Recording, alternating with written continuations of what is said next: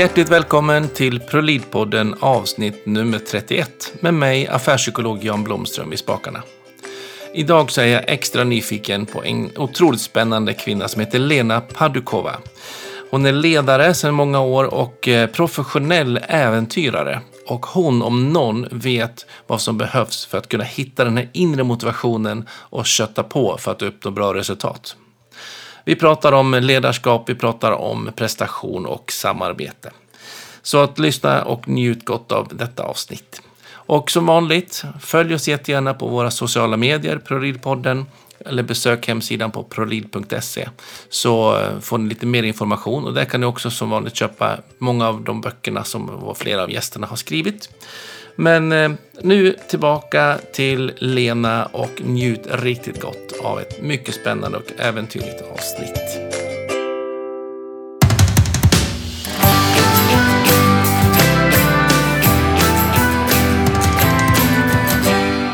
Hjärtligt välkommen Lena Padukova till ProLid-podden. Tusen tack. Tusen tack. Eh, det här tycker jag ska bli ett otroligt spännande avsnitt. Och, eh, du jobbar ju som ledare och professionell äventyrare. Och ja, vad, precis. Vad, vad innebär det? Um, professionell äventyrare, den delen av min karriär han, handlar just om att arrangera, genomföra och följa upp äventyr. Eh, extrema utmaningar, extrema äventyr eh, farliga miljöer. Jag är egentligen nischad på dels oceansegling, eh, dels bergsbestigning och dels eh, Arktis. Eh, jag har gjort en hel del utforskning av eh, arktiska områden. Okay. Men egentligen så hittar du mig eh, var som helst där det är någorlunda farligt eller någorlunda utmanande. Ehm, så det gör jag, det kör jag som heltidsjobb. Ehm, men jag konsultar fortfarande inom ledarskap, inom management. Ja. Ehm, och eh, jag har ju, bakom mig så har jag över ett decennium inom IT och management i form av konsultande både i Sverige och utomlands. Okay. Och jag har inte riktigt behållit IT-biten utan jag har behållit eh, det här med ledarskap. Eh, så idag så arbetar jag både med coachning av ledare samt så konsulterar jag och hoppar in som eh, antingen manager eller interimschef eh, när det behövs. Plus okay. att jag arbetar med styrelsearbete också och är styrelseordförande på ett bolag i Stockholm. Ja, Vad spännande, vilken bakgrund. Ja precis, jag har händerna fulla kan jag säga. Ja, men det, då är det ju faktiskt precis så här det ska vara. Ja, precis. Och de där två områdena är ju egentligen inte helt olika. För att både ledarskap och eh, det här med äventyr oavsett om jag är solo eller om jag leder en, eh, en eh, grupp eller en expedition. Mm. Det handlar ju egentligen ofta om samma slags utmaningar. Dels att planera någonting som eh, är beroende av väldigt många okända variabler. Mm. Uh, och det är en, ett komplext ärende som ska planeras över tid och som är beroende av många olika, uh, många olika aktörer och många olika um, uh, ja, ute på äventyr så är det olika element och i affärsvärlden så är det också några drivande eh, krafter. Och, och sedan, ja, sedan genomföra det. Ja, för jag kan tänka mig att det dyker upp otroligt mycket olika oförutsedda händelser när man är ute på eh, expeditioner och det borde vara verkligen livsavgörande att man verkligen kan plocka fram resurser och energier och använda dem till det de ska och ge bäst nytta. Ja, precis. Eh, och finna motivationen att uh, kämpa vidare och uh, genomföra det man hade tänkt. Ja.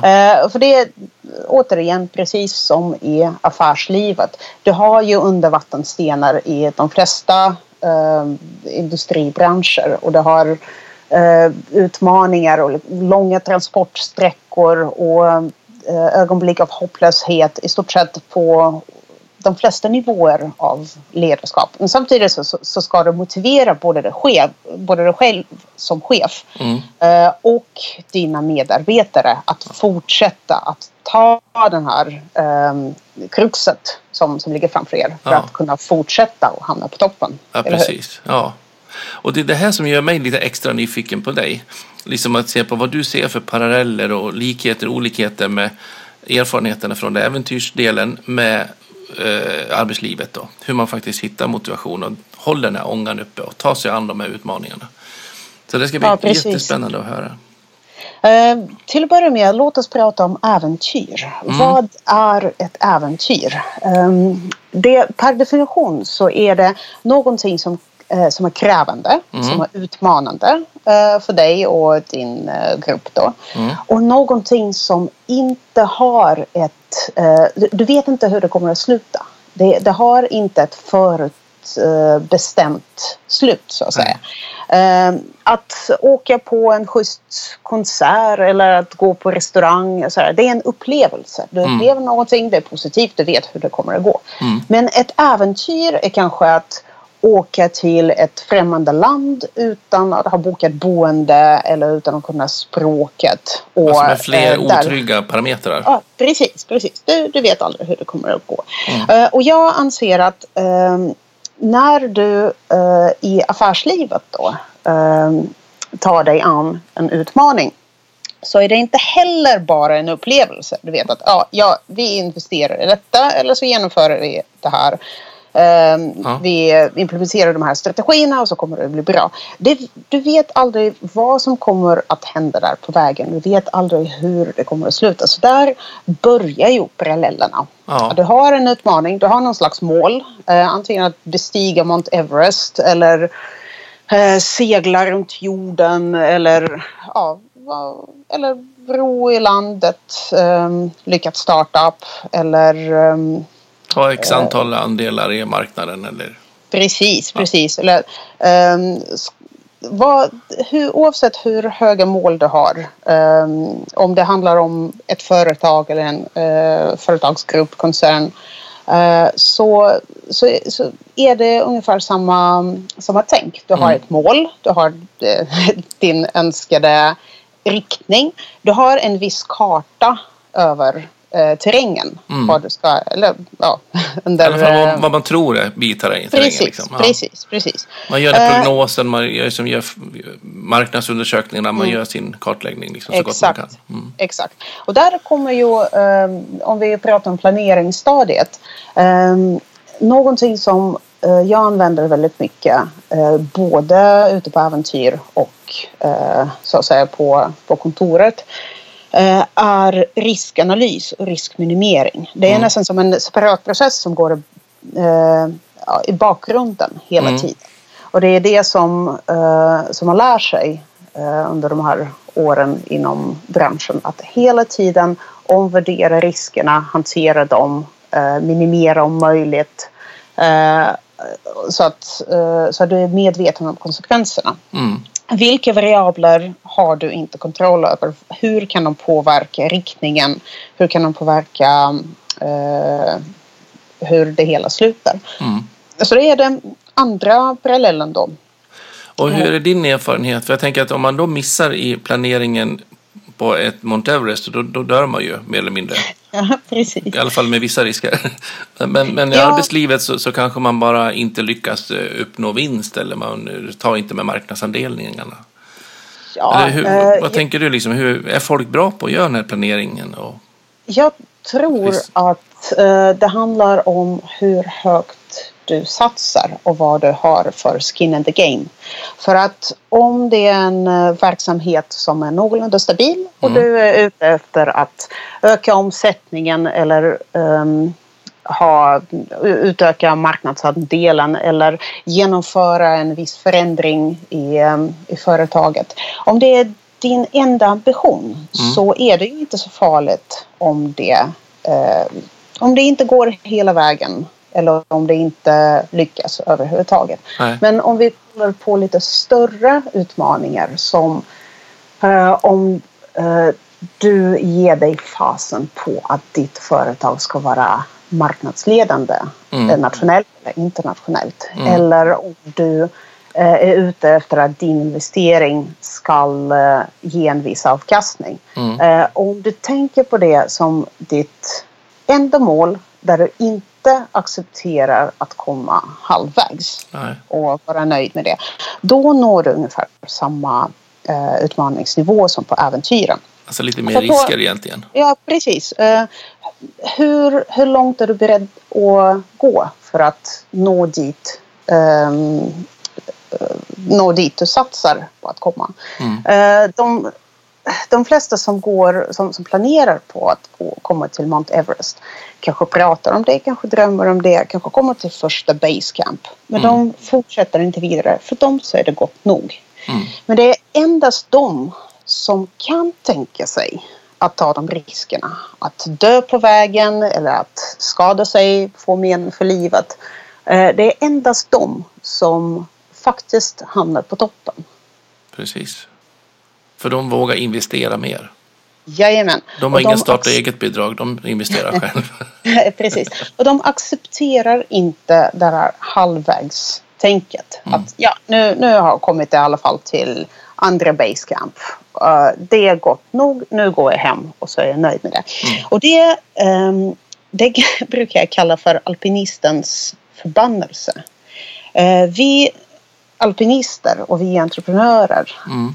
Um, är ju funtade på det sättet att vi ser ju de där topparna, vi ser de där utmaningarna och vi kan inte låta bli att klättra dit. Nej. Vi har en så pass stor eh, intern motivation till att komma dit. Vi har så pass stort internt driv att det är snarare svårare att, eh, för oss att låta bli mm. än att eh, dra dit. Så det medför ju i och för sig eh, en hel del problem eftersom vi endast ser de här topparna, de här utmaningarna. Mm. Eh, så har vi ofta lite svårt för att bara stanna till och njuta utav det som vi har uppnått. Precis, för Utan, de är ju redan på nästa. Någonstans. Ja, precis. Eh, det, det är först när du har klättrat upp på ett berg som du ser de andra högre bergen mm. runt omkring dig, eller hur? Mm, precis. Så helt plötsligt så är det inte lika intressant att stanna på det berget. Som eh, till exempel, jag gjorde ju min första City to Hobart eh, nu i vintras. Mm. Det är en av eh, världens tuffaste eh, kappseglingar. Okay. Så eh, jag har eh, jag, jag har ju preppat väldigt mycket inför den och jag har varit lite orolig för vädret och så vidare. Den, ja. den är ju ganska tuff. Och äntligen så fick jag segla den. Äntligen ja. så fick jag göra den. Och efteråt så kändes det, jaha, um, innan så var det ungefär som att det här är den, den ultimata drömmen för ja. en seglare att oh. delta i Rolex to Hobart Yacht Race. Och det och tog en stor del av din tid också, bara tänka och planera ja. och vara i det liksom. Ja, det var, det var mycket fysisk träning och mycket investering i form av utrustning och um, bara ta sig dit uh, på julafton. Det tog ju nästan två dygn att flyga dit. Mm. Så, men efter att jag har gjort den, vi har fått hyfsat bra resultat. Och så kände jag att jaha, det här är min första. Ja. Uh, det är bara att fortsätta och nästan göra varje år. Det här är bara min första Signature Hobart. Mm.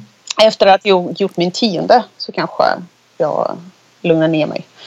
Eh, så efter, jag, jag måste tyvärr, jag vet att jag har den också. Jag stannar inte till uppnådda mål utan letar efter nya ständigt. Så det, och då är det väl också en definition av entreprenör, tänker jag. Att en, en, ja. Många säger att man är entreprenör så fort man har startat ett litet företag, och enmansföretag. Nej, men, äh, men det, jag värld... tror att det är precis. Jag, jag, tror att det är mer en, eh, en inställning till ja. livet. Och det är nog så jag känner också, vare sig man är anställd eller om man är, är, liksom, är företagare, för det är inte det som är det viktiga. Utan för mig är det också det att man, man har mål utan att de egentligen är ett mål. För så fort man har passerat mållinjen som du säger så är man ju in, då är det inget mål. Liksom det, det är bara en del i alla fall på vägen. Ja, precis. Så vi måste ju vara, vi måste bli mer, eh, vi måste bli duktigare på att fira eh, seger mm. och även små segrar, även eh, delmål. Mm. Och ser man då på de här eh. riktigt framgångsrika företagen som också vågar mm. spänna mm. bågen och verkligen gör de här offensiven. Ser du samma sak där också, att de också är dåliga på att fira segrarna? Jag tror att det de som är duktiga på att fira segrarna och de som är duktiga på att motivera sig själva och sina medarbetare är de som kommer längst. Mm.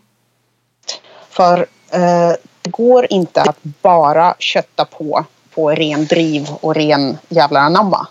Utan eh, det måste finnas någon, eh, det måste finnas lite vetenskap bakom det hela. Jag har läst en hel del eh, beteende, beteendepsykologi och ja. organisationspsykologi. Och där finns det väldigt klara riktlinjer för vad som gör en, en vad som vad som är sätt sättet för att behålla drivet i en grupp. Vad som mm. är sättet för att uh, motivera uh, medarbetare så att de, de sin, når sina mål. Ja. ja, för köttar man bara på så det enda som händer är att man drar på sig skador. Ja, precis. Antingen precis. rent kroppsligen eller mentalt själv eller att man får skador egentligen i gruppdynamik och att man får konflikter och, och liksom ja. an, andra saker som inte blir bra. Precis, det stämmer. Och det viktiga där är ju att som chef så är du ofta väldigt duktig på att driva dig själv. Mm. Men eh, för att driva andra eh, med, samma, eh, med samma kraft så behövs det ofta andra verktyg. Mm. Alla människor är olika och alla människor har olika motivationsfaktorer. Och det som funkar för dig själv, hur du piskar dig själv helt enkelt, mm. det kan ju vara helt fel för gruppen. Ja, med nästan största sannolikhet, tänker jag. Ja, precis. precis. För att är man duktig att driva sig själv så är man oftast framgångsrik i sin egen liksom, vardag och sin egen produktion. Eh, men ledarskap är ju att få andra att prestera och då är det ju nästan motsatt ibland. Ja, så att man måste ju verkligen, tackar man ja till att vara chef så lär man ju verkligen dra på sig ett annat mindset. Alltså att jag, nu är det inte jag som ska prestera och skina, utan nu är det ju mina mm. medarbetare som ska få glänsa liksom. Tänker jag. Eh, att tänka på, ja, eh, att, tänka på att uh, vara coachande i sin ledarskap är också viktigt. För att man är kanske van sedan innan att vara den som presterar bäst. Mm. men det tänket måste läggas åt sidan eftersom ofta så handlar det inte om att teamet ska prestera bäst utav alla utan att alla ska göra sitt bästa som utvecklas så mycket som möjligt mm. Eh, och ha kul på vägen. För att det är då du har en långsiktig driv och det är då du har ett team som vill långsiktigt eh, stanna och eh, jobba för samma mål. Och som kanske också kan peppa chefen när den går sin dipp. ja, precis. Tänker jag. För det kan ju hända också. Ja, um, jag tror att för många chefer så kan det vara en motivation i sig att se ett team som är självgående som man inte hela tiden måste eh, piska framåt. Mm. Eh, och det är, för mig så har det ju varit en eh, viktig dimension i att vara chef och ledare. Eh, att, få, att kunna få både pepp och feedback från andra chefer på min nivå. Ja. Och där är ju beroende av eh, ledningsgruppen som också där, där också måste implementeras ehm, en motivationstänk, en motivationsdimension. För att återigen, förhoppningsvis så har du en uh, ledningsgrupp som består av en massa olika människor som mm. uh, fungerar på olika sätt.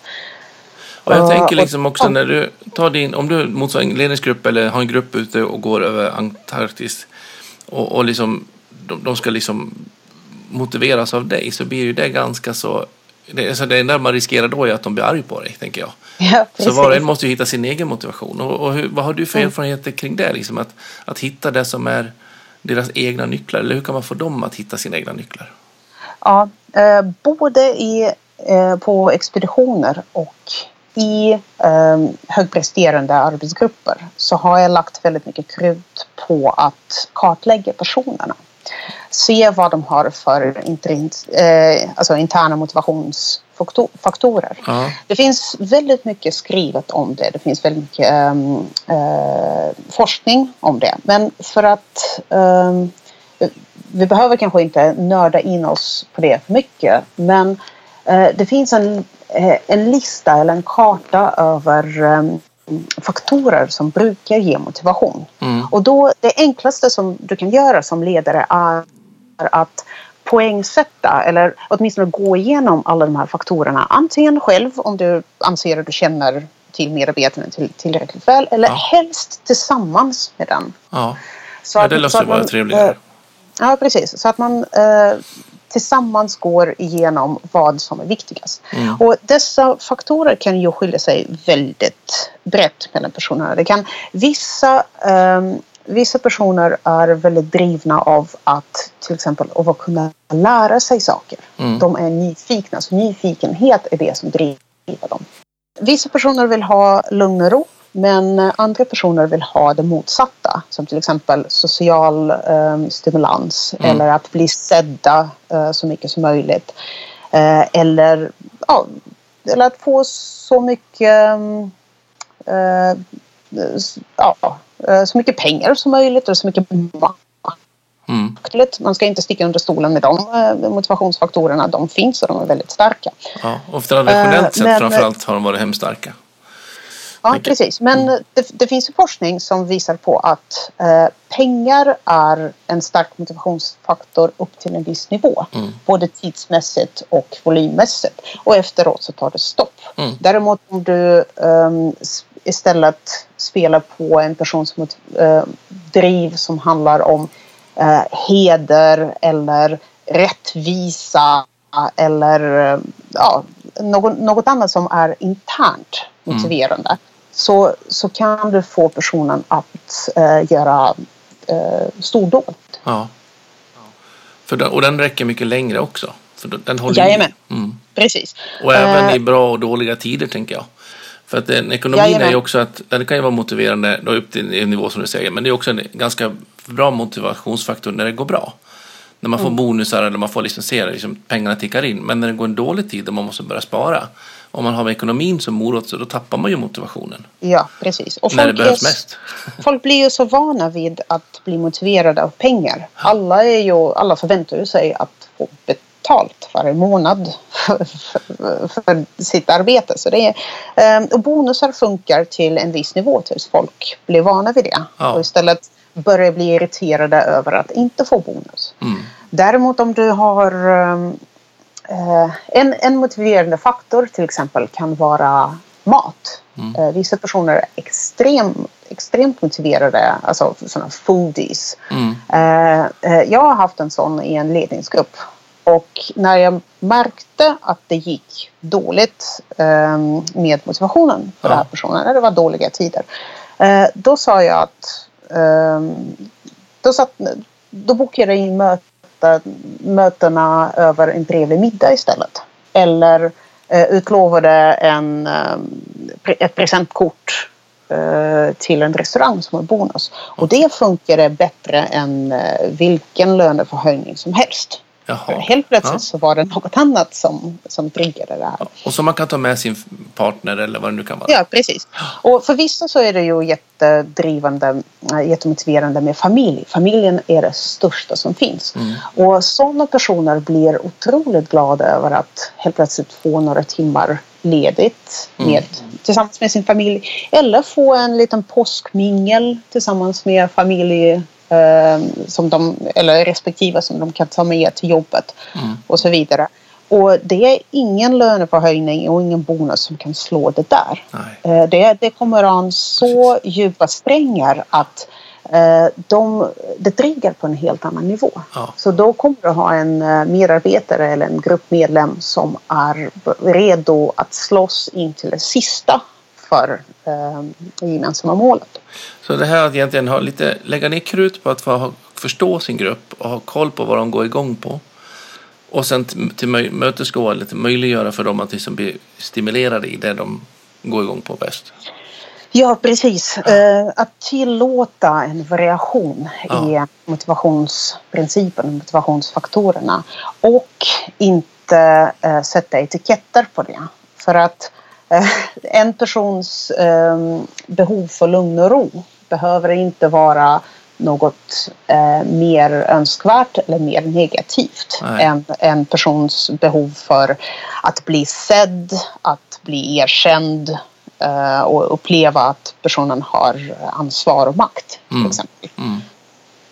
Om man nu tänker sig en grupp då som eh, eller några i gruppen som plötsligt märker man när man kommer till andra base camp eh, mm. så märker man att oj, nu vart de nöjda med det och känner sig att nu har de gjort sitt och så är man liksom själv på väg eller ett, ett gäng övriga delar i gruppen är fortfarande på väg till tredje och ända till mm. toppen. Liksom. Precis. Hur, hur, viktigt är det liksom att vara klar över ambitionsnivån på projektet från början? Ja. Ja, det är ju förstås väldigt viktigt. Uh, alla måste vara med på uh, vilka delmål och vilken slutgiltig uh, target som ja. vi har. Annars så kommer inte gruppen fungera så att säga. I vissa kappseglingar så har du det problematiken när du har 18 personer ombord och ja. alla är drivna av olika motivationsfaktorer. Ja. Vissa gör det på grund av att de vill bevisa för sig själva att de kan. Andra vill Eh, vinna racet oavsett vad det tar. Mm. Tredje har precis skilt sig och de tycker att det är skönt att komma loss och segla lite. Man blir lite wild and crazy. ja, precis. Eh, så när, när uh, going gets tough och man måste verkligen kämpa och ta, liksom, press, pressa sig till det yttersta. Ja. Då klarar folk det till olika nivåer mm. och där uppstår konflikter. Och eh, det är därför, som du nämner, så är det ju väldigt eh, viktigt att eh, aligna sina, mot, eh, sina ambitioner från början. Mm.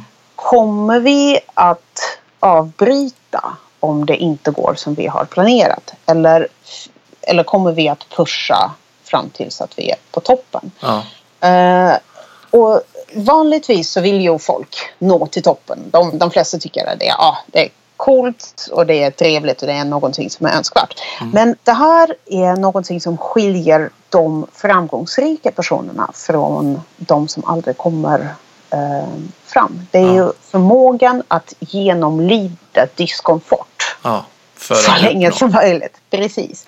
Eh, för, för, att, för, för ställer man frågan om de vill ha någonting positivt, ja men det är ju, alla vill ju det någonstans. Men ja. man behöver aldrig egentligen fundera på vad, vad hamnar prislappen? Ja, precis om du tänker på eh, alla, alla saker och ting som människor generellt vill ha. Eh, ekonomisk stabilitet, trygghet, eh, bra jobb, eh, någon slags framgång, hur de än definierar det. Allt det där innebär en viss transportsträcka som innef innefattar diskomfort. Mm. Om, du vill, om du vill få snygga definierade muskler så måste du träna. Ja. Och det ger diskomfort. Om du vill få ett eh, drömjobb då kanske du får gå utbildningar på din fritid. Eh, eller eh, genomgå utmaningar på arbetstid. Och det är också en slags diskomfort. Mm. Så det är det som, som, som ledare så är det min, mitt jobb att påminna dem om detta. Vad det är för kontrakt att, man har gjort liksom. Ja, precis. Jag har skrivit påminna. en bok jag har skrivit en bok som heter Chefen som personlig tränare. Och där mm. skriver jag om det här med att eh, man sätter ofta med mål att alla ska bli bäst i sin bransch eller världsledande eller vad man vill. Men alla ska vinna VM-mål liksom, eller VM-guld. Ja, eh, och sen har man inte resurserna till det. Eh, om man har inte liksom definierat den här prislappen då. Och där, då, då, tror man ju någonstans att det liksom är bra ju högre ambitioner vi har. Men då brukar jag resonera i det att för de allra flesta människorna i samhället så kanske det är bättre att vara på Friskis och Svettis nivå och ha en allmän vardagskondition. Ja. Och, och mm. också våga erkänna att det är den nivån vi har i vårt företag. Medan några få har riktigt höga.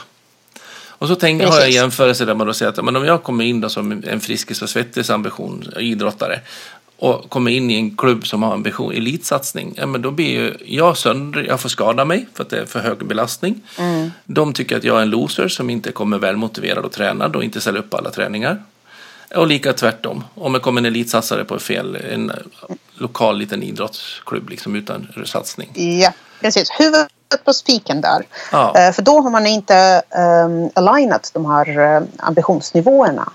Uh, och det kan bidra till en väldigt toxisk arbetsplats. Ja. Där cheferna förväntar sig att alla kommer att uh, klättra Mount Everest. Men folk är, inte, folk är där för att ha en trevlig picknick i dalen. Ja, ja och gå upp på kullen och se på utsikten liksom. Ja, precis. Och det är inget fel på det. Nej. Det är ju... det där tycker jag är ett jätteproblem, ja, alltså, att man inte precis. synkar det där. Ja, tyvärr så i vårt moderna samhälle så vill vi gärna springa iväg och vara bästa. Men eh, det är där vi kom, återkommer tillbaka till eh, coachande ledarskap. Ja. Eh, alla, teamet behöver inte prestera bäst av alla i världen.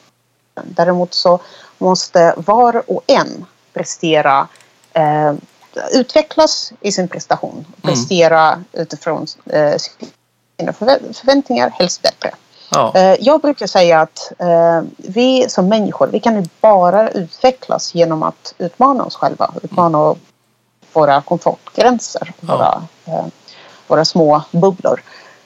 Men vi måste acceptera att vissa personer har komfortgränser som sträcker sig bortom horisonter ja. och andra personer har väldigt små bubblor. Men det bara för att de uh, behöver ta mindre steg för att utmana sig själva så, så är de inte sämre eller svagare eller dummare för det. Det kanske är en större utmaning till och med för dem mm. att, uh, uh, att utvecklas på det sättet. Och så länge vi som chefer kan erbjuda och motivera till en sådan personutveckling så tycker jag att vi har gjort vårt jobb. Ja. Och det kan ju till och med vara ett äventyr för vissa, tänker jag, även utifrån din definition. Och jag har mitt bakgrund som neuropsykolog i botten och jobbar mycket med hjärnskadade mm. patienter och, och, så. Och för dem var det inte ens klart att man kommer tillbaka och man vet inte om man ens kommer in på den konserten eller att man liksom, man vet inte hur det kommer att sluta. Men man ändå gör ett försök. Så för dem kan ju även den minsta vardagliga sak ibland nästan tangera vara ett äventyr utifrån deras utgångspunkt. Och de erfarenheterna hade jag med mig när jag skrev min första bok som heter Talangaccelererande ledarskap. För det är egentligen ett rehabiliterande perspektiv. När man eh, gasar på, som ledare ska man gasa på talangen eller maxa, få dem att lyfta 10-20% mer än sin till inbillade liksom maxkapacitet. Sen kan det vara en top notch prestation eller talang eller medelmåttig eller till och med en ganska tafflig talang. Men vi ska ju lyfta dem de här 20 procenten. Och det är egentligen de här bubblorna som du pratar om, eller bortanför horisonten. Det spelar ingen ja, roll. Vi, vi ska få dem att lyfta lite. Ja, när jag pratar om äventyr uh, så brukar jag belysa det från samma uh, synpunkt som du har precis sagt. Uh, att ett äventyr för en person kan vara att klättra Mount Everest, absolut. Mm. Men en lika stor äventyr, om, inget, om inte större, kan för en annan person vara att kanske komma ut och tälta med barnen. Ja. Eller att ta en längre väg hem från jobbet. Eller att våga ta nästa kliv i karriären eller att våga tala inför folk och så vidare. Så mm. eh, vi måste ha respekt för var och, en, eh, var och ens eh, förmåga och ambition. Ja. Och utifrån det hjälpa folk att uh, utvecklas. Och då blir det ju också en, en viktig ingrediens att vara hemskt ödmjuk till vad folk känner och tycker. Mm, precis, där, där är det väldigt mycket fingerkänsla, ja, fingertoppskänsla.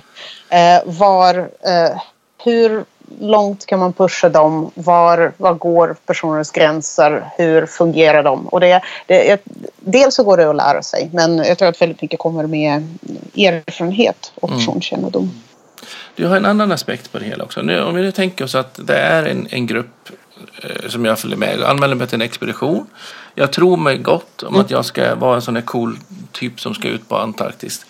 Eh, och så märker du liksom att ah, den där Blomström, han håller inte riktigt måttet. Han kommer att sinka hela gruppen och han har committat på ett eh, för avancerat uppdrag.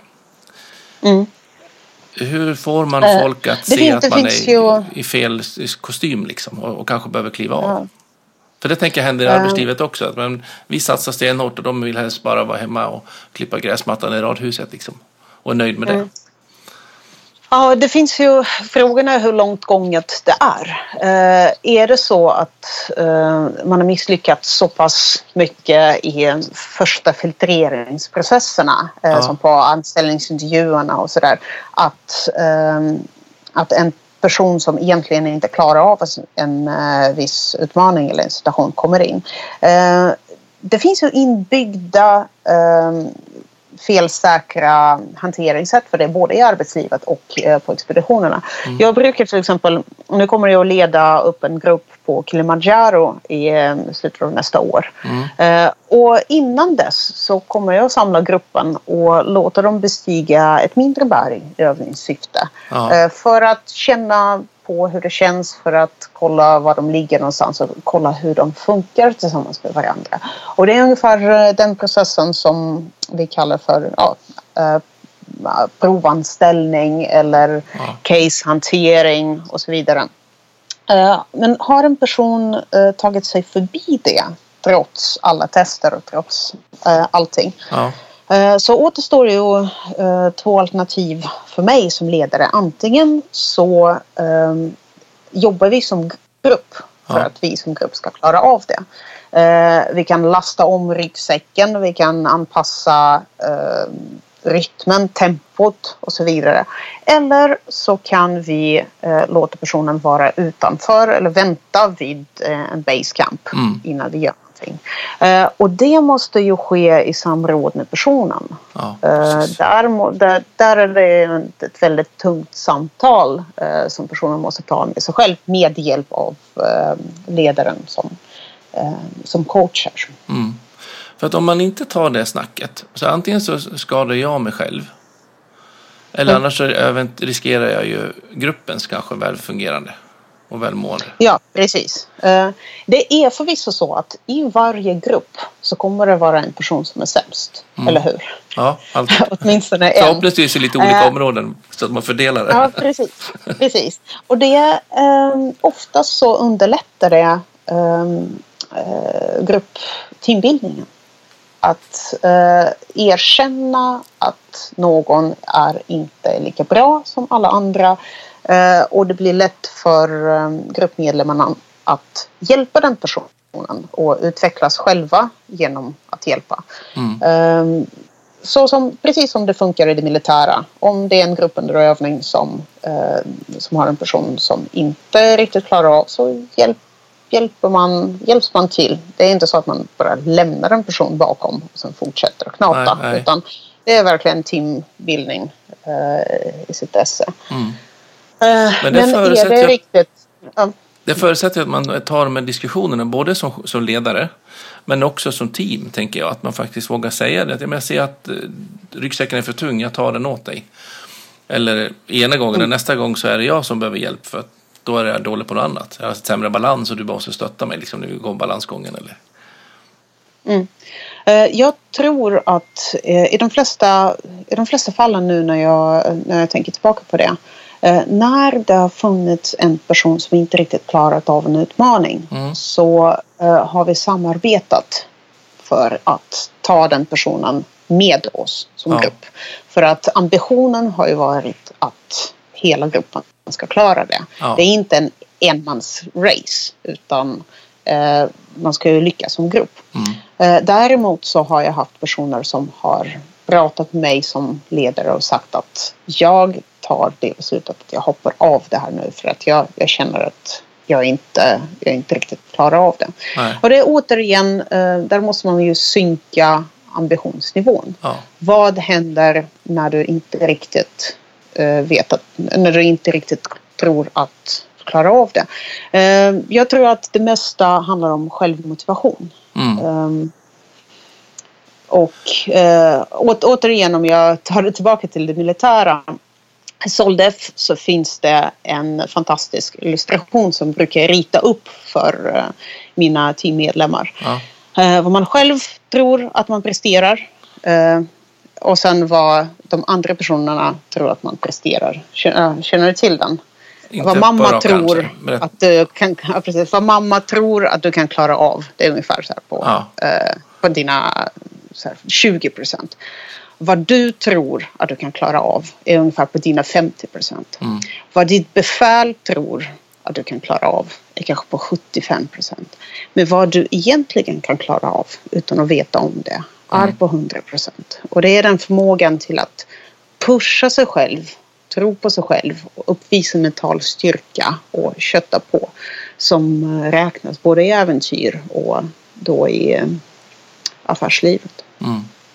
Och hur, vad, vilka är dina bästa tips för att kunna få till ännu mer kötta på attityd? ja, eh, mental styrka är en, eh, ett väldigt djupt ämne. Eh, det här med självdisciplin och eh, mental styrka är väldigt, eh, det är väldigt viktigt att träna upp. Mm. Självdisciplin kommer inte av sig själv. Mental styrka kommer inte av sig själv. Utan det är precis som en muskel. Mm. Ju mer du tränar den, desto eh, starkare kommer den att bli. Och i en skarp situation så kommer du att kunna eh, använda den till fullo. Så för att eh, träna upp det, det på ett bra sätt mm. så rekommenderar jag att utsätta dig för situationer som du vet är nyttiga men ja. Är obehagliga. Jag själv eh, till exempel, jag tycker inte om kyla. Nej. Ärligt talat. Trots att jag har varit väldigt mycket i Arktis och är på höga berg. Och, och så, så jag tycker inte om kyla. Så Nej. ibland så tvingar jag mig själv till att uh, ta en simtur i iskallt vatten eller uh, dra ut och vinterkampa och uh, göra sådana saker som jag fortfarande tycker är lite smått obehagliga och jobbiga. För att egentligen intala dig själv att det är du som bestämmer vad du gör, inte ditt, din komfortbubbla. Ja. Precis, mm. precis. Så om man tar det eh, lite försiktigt. Eh, du behöver kanske inte gå ut nu i snön och doppa dig i någon isvak bara för att magiskt få en stenhård metallstyrka. Liksom. Precis. Men det, det funkar precis som vilken muskel som helst. Mm. Eh, att träna, anstränga det varje dag eh, så, många, så mycket som möjligt. Eh, kommer att resultera i att du kommer att få en mycket mer resilient och stark psyke. Ja. Jag brukar ofta prata om att vi behöver få mental träningsverk. ja, eh, att, och det är, det, det också sant. Mm. Så att vi, mm. då, då står vi mer eh. rustade efteråt. Att man tar en diskussion, Exakt. svåra samtalet, ja. tar konflikten, ger feedbacken. Vi, jag kliver på med de där arbetsuppgifterna som jag inte trodde att jag klarade. Mm. Helst lite ångest, svett i pan pannan. Precis. Som med allt annat så, uh, så gäller det att göra det med, moderation. Vad händer om du börjar göra marklyft med uh, dubbla vikten som mm. du egentligen klarar av? Förmodligen så kommer det göra väldigt ont ja. eller leda till skador. Uh, det finns en teori om som jag finner väldigt intressant som handlar om självdisciplinskvoten. Att det finns en viss kvot för liksom, mental styrka. Ja. Uh, och om den överskrids så rullar du tillbaka på noll. Okay. Så någonstans så måste man ge, låta sig själv vila från alla måsten. Mm. Du kan inte bara vara en projektledare över ditt liv och piska dig själv till att bara göra det rätta. Nej. Utan någonstans så måste du stanna av, vila och låta dig själv leka. Mm. Göra något kreativt helt utan eh, förväntningar. Lite grann som vi pratade in vi gjorde soundchecken lite grann på ljudet här. Att vi bägge två bor helt ute på landet någonstans och det är skönt att mellanlanda mellan våra projekt. Och det är lite mm. samma sak, att faktiskt bara få vara och ha lite gött. Men det här är också någonting som man gör efter när man går på vanliga gymmet. Så att man tränar ju hårt och sen behöver vi återhämtning och ta en banan liksom för att vi ska må gott. Ja, precis. Stretcha lite, gå och basta. Ja, ta ett glas vin eller någonting. Dricka vatten, ja precis. Ja, vatten. Det är väldigt viktigt. Efter gymmet i alla fall. Ja. Mm, mm. Men du, den eh, självdisciplinskvoten då, vem är det som pratar om den eller skriver om den? Kommer du ihåg det på rak arm? Uh, jag har Uh, jag kan skicka dig en länk uh, på Wikipedia ja. där uh, det pratas om den. Ja, jag har jag... även diskuterat det med legitimerad psykolog ja. som medgav att det finns, att det finns en sån teori. Mm. Ja, men spännande. Och jag lägger upp den på Facebookgruppen och på ProLead-podden så, så ni andra kan kolla också på länken. och det här är egentligen det som vi alla gör efter nyår någonstans när man gör nyårslöftet och säger nu ska vi börja och träna och sen går man lite för hårt och sen så blir man inte att fortsätta därför att man ramlar Helt noll. Riktigt. Helt jag. riktigt. Ja. Lite mer vardagsnära. Precis, man, man, man, går ut och börjar träna två gånger varje dag, äh, äter bara lätt kvarg mm. och, och så Då håller det inte. kör man Ja, precis. Eh, det gör det inte. Det håller två och en halv dagar och sedan så kommer man hem, lägger sig på soffan och klarar inte av någonting. Nej. Och så rullas allting tillbaka igen. Så, och dit vill vi inte. Då, når, lite vi lagom. Inte, Nej, då kommer vi inte på toppen. Ja. Nej, så lite lagom, lite mindre hantlar till att börja med. Ja. För att träna den muskeln. muskeln. Låt den vila, stretcha den. Och det är som det gamla ordspråket, varje resa börjar med ett steg. Så vi börjar med det lilla, till slut är vi på toppen. Precis. precis. Jättespännande. Du, jättekul att få, få höra dina erfarenheter och det låter som du har verkligen gjort de valen du behöver för att hamna mitt i himmelriket någonstans. ja, precis. Ja, jag trivs eh, ganska bra kan jag säga. Jättekul att prata med dig och höra om dina böcker. Och ja. kul att se att vi har samma syn på de där um, faktorerna. Ja, jättespännande. Det ska jag kolla upp lite mer med, med med, med liksom den här självdisciplinskvoten. Den tyckte jag var lite kul. Jag har nog missat den genom åren. Men eh, om man vill komma i mer kontakt med dig eller till och med kanske följa med på någon resa och eh, förflytta sina positioner. Var får man tag på dig någonstans? Jag driver en blogg som heter adrenalena.se. Jag heter då Lena, så Adrenalena var mm. givet. Så ja, jag finns på adrenalena.se. Ehm, det går att följa mig eh, på Twitter. Där heter jag The Wicked. Ja. Eh, och jag finns på Instagram också. Där heter jag Adrenalena Adventures. Ehm, jag finns att boka som privat guide, privat eh, PT, coach och som en föreläsare. Så all kontakt kan ske via adrenalena.se. Härligt. Då slussar vi dit allihopa. Så ta kontakt med Lena och eh, ta ett nytt steg i era utmaningar. Tusen tack för idag. Fantastiskt. Tusen tack själv. Ja, Välkomna. Fint. Hej.